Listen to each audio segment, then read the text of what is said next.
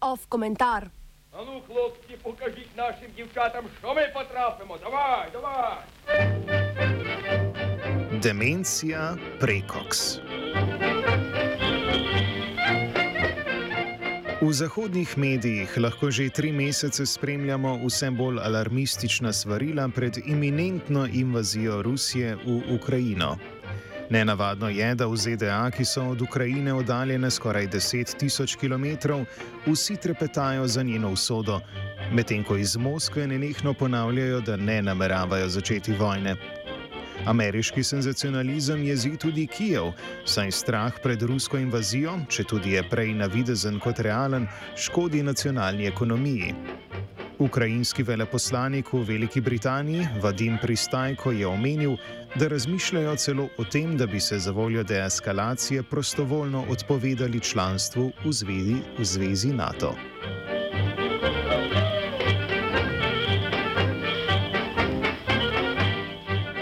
Trditvah zahodnih vlad in poročanju medijev naj bi bilo v preteklih tednih na meji z Ukrajino in v Belorusijo premeščenih več enot ruske vojske, vendar je natančno število vojakov nemogoče oceniti.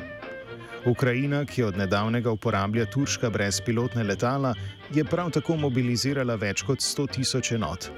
11. februarja so na obeh stranih meje pričeli z vojaškimi vajami, Zahodni narativ ustraja, da je ruska mobilizacija dokaz teritorijalnih aspiracij po Ukrajini kot celoti ali vsaj po regijah Donetsk in Lugansk. V zadnjih tednih je postalo modno, da se kot ultimativni dokaz teh teženj navaja Putinov esej o skupni zgodovini Ukrajine in Rusije, a kdor bo ta dokument dejansko prebral, bo presenečen ugotovil, da esej nedvoumno priznava suverenost ukrajinske države.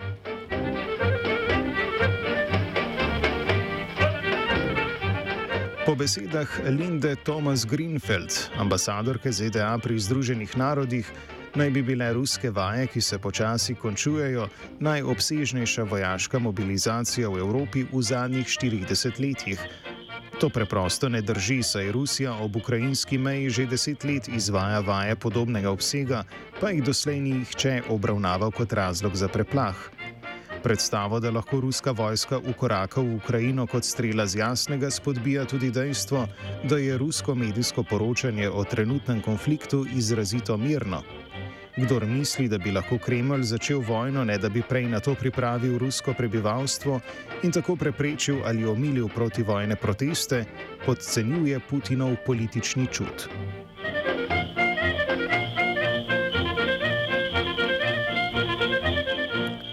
Verjetnejša je razlaga, da ima ruska mobilizacija diplomatsko funkcijo.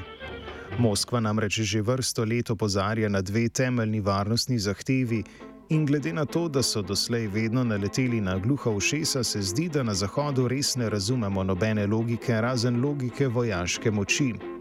Ti zahtevi sta, da se Ukrajina in Gruzija ne pridružita zvezi NATO ter da se končno vdejanji minški mirovni sporazum, ki predvideva, da se regijama Donetsk in Lugansk v Ukrajini dodeli poseben status in se v njiju razpišejo volitve. Čeprav se ruski zahtevi rado hitro odpiše, nista povsem iracionalni. Spoštovanje mirovnih sporazumov je temeljna postavka mednarodnega prava, Učlanjenje Ukrajine v NATO pa bi bilo povsem v nasprotju z duhom načela nedeljive varnosti, k kateremu so se članice Organizacije za varnost in sodelovanje v Evropi zavezale v Istanbulski in Astanski deklaraciji. Po tem načelu namreč nobena država ne sme povečati svoje varnosti na račun varnosti drugih držav iz regije. Res je sicer vsaka država samostojna pri izbiri varnostnih organizacij, ki bi se jim rada pridružila, A tudi te organizacije so samostojne pri izbiri, katerim državam podelijo članstvo in katerim ne. Če bi priključitev neke države porušila globalno razmerje sil, ni načelnega razloga, zakaj bi njeno prošnjo za članstvo morali uslišati.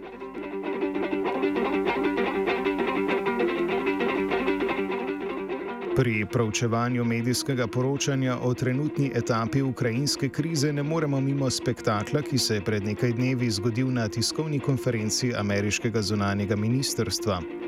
Uradni govorec Ned Price je na njej obelodanil, da naj bi Rusi pripravljali propagandni video, v katerem naj bi uprizorili ukrajinski napad na rusko govoreče prebivalstvo Donbasa, kar bi na to izrabili kot kazus beli.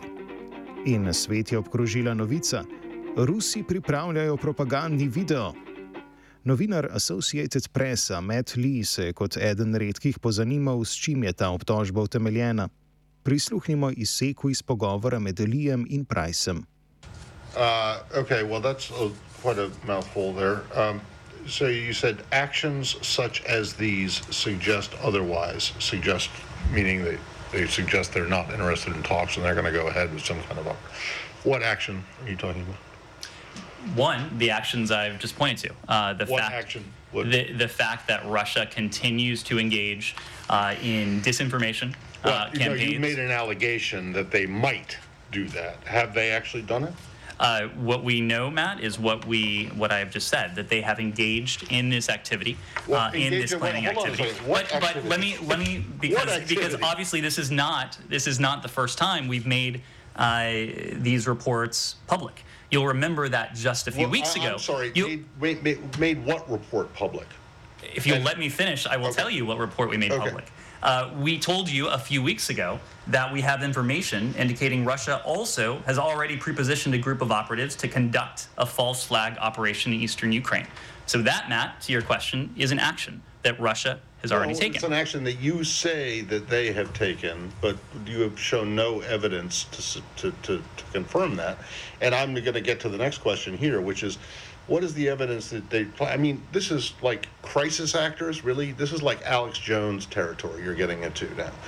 Um, what evidence do you have to support the idea that there is some propaganda film in the in in the making? Matt, this is derived uh, from information known to the U.S. government, intelligence information that we have declassified. I think you Well, know okay, well, where where is it? Where where is this information? it is intelligence information that we have declassified. Well, where is it? Where's the declassified information? I just delivered it. No, No, you made a series of allegations and Would statements. you would you like us to print out the topper because you will see a transcript of this briefing that you can print out for That- yourself. That's not evidence, Ned. That's you saying it. That's not evidence. I'm sorry. Pogovor med Lijem in Pricem priča o tem, da je dominantni javni diskurs o Ukrajini tautološki, da je Rusija iracionalna in ekspanzionistična sila, s katero se ne da imeti konstruktivnih diplomatskih odnosov, je hkrati njena predpostavka in sklep. Kdor to predpostavko zavrača, je očitno Putinova lutka. If the Russians don't go forward with this, that is not ipso facto an indication that they never had plans to do so. Uh, But then it's unprovable.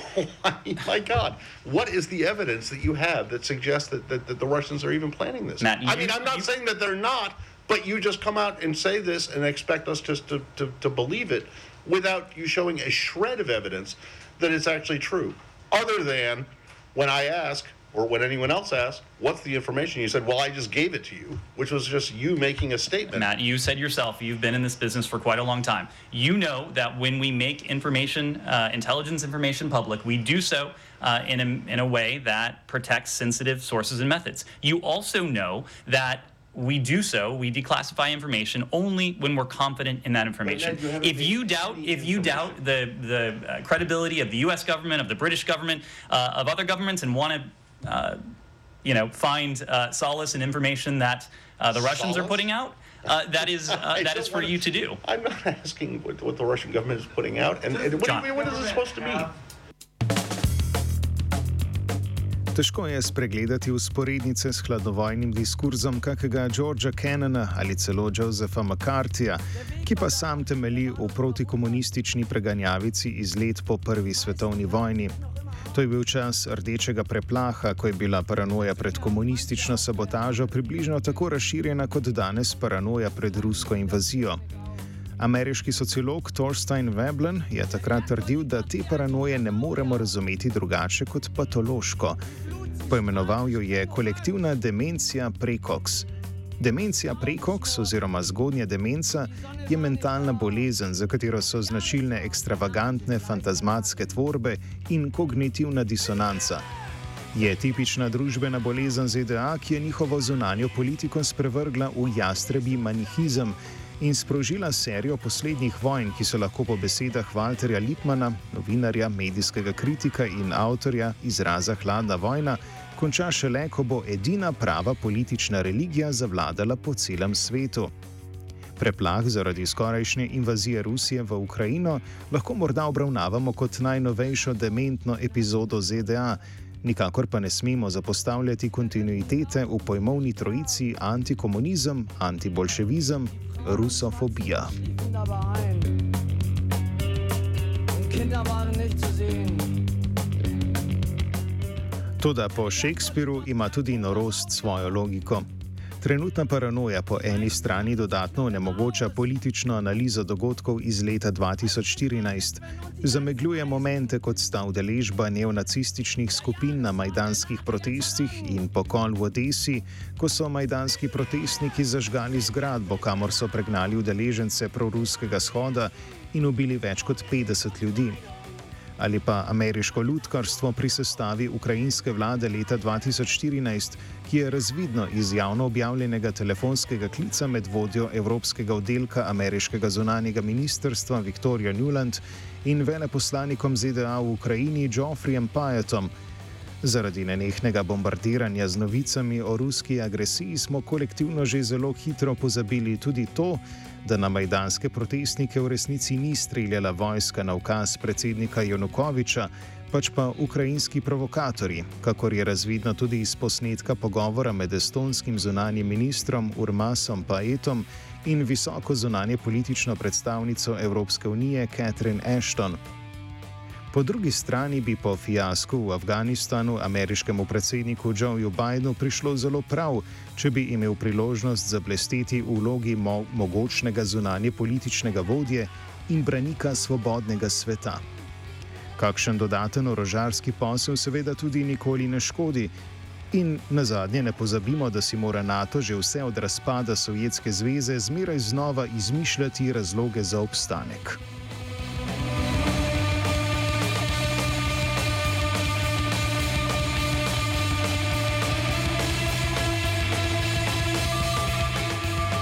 A kljub vsemu se ameriška demencija preko stokrat le ne zdi povsem funkcionalna. Ni namreč jasno, zakaj NATO glede članstva Ukrajine za zdaj ni pripravljen niti malo popuščati in sprejeti denimo desetletnega moratorija.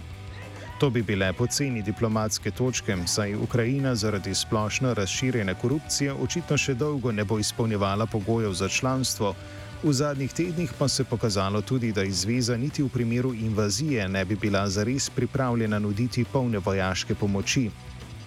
Hkrati NATO svojo izolacionistično politiko potiska Rusijo vse bliže Kitajski, kar nikakor ne more biti v njihovem pravem interesu. Na začetku februarja sta se predsednika Rusije in Kitajske na srečanju podpisala pod skupno izjavo, v kateri sta obsodila NATO enostranski pristop k vprašanjem mednarodne varnosti. Izjava za prihodnost že obeta tesnejše sodelovanje azijskih velesil glede varnostnih vprašanj.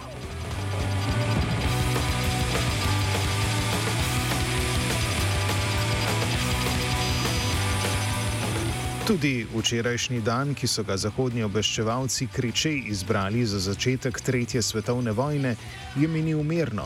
Le Rusi nadaljujejo z umiki svojih tankov, saj se vojaške vaje končujejo.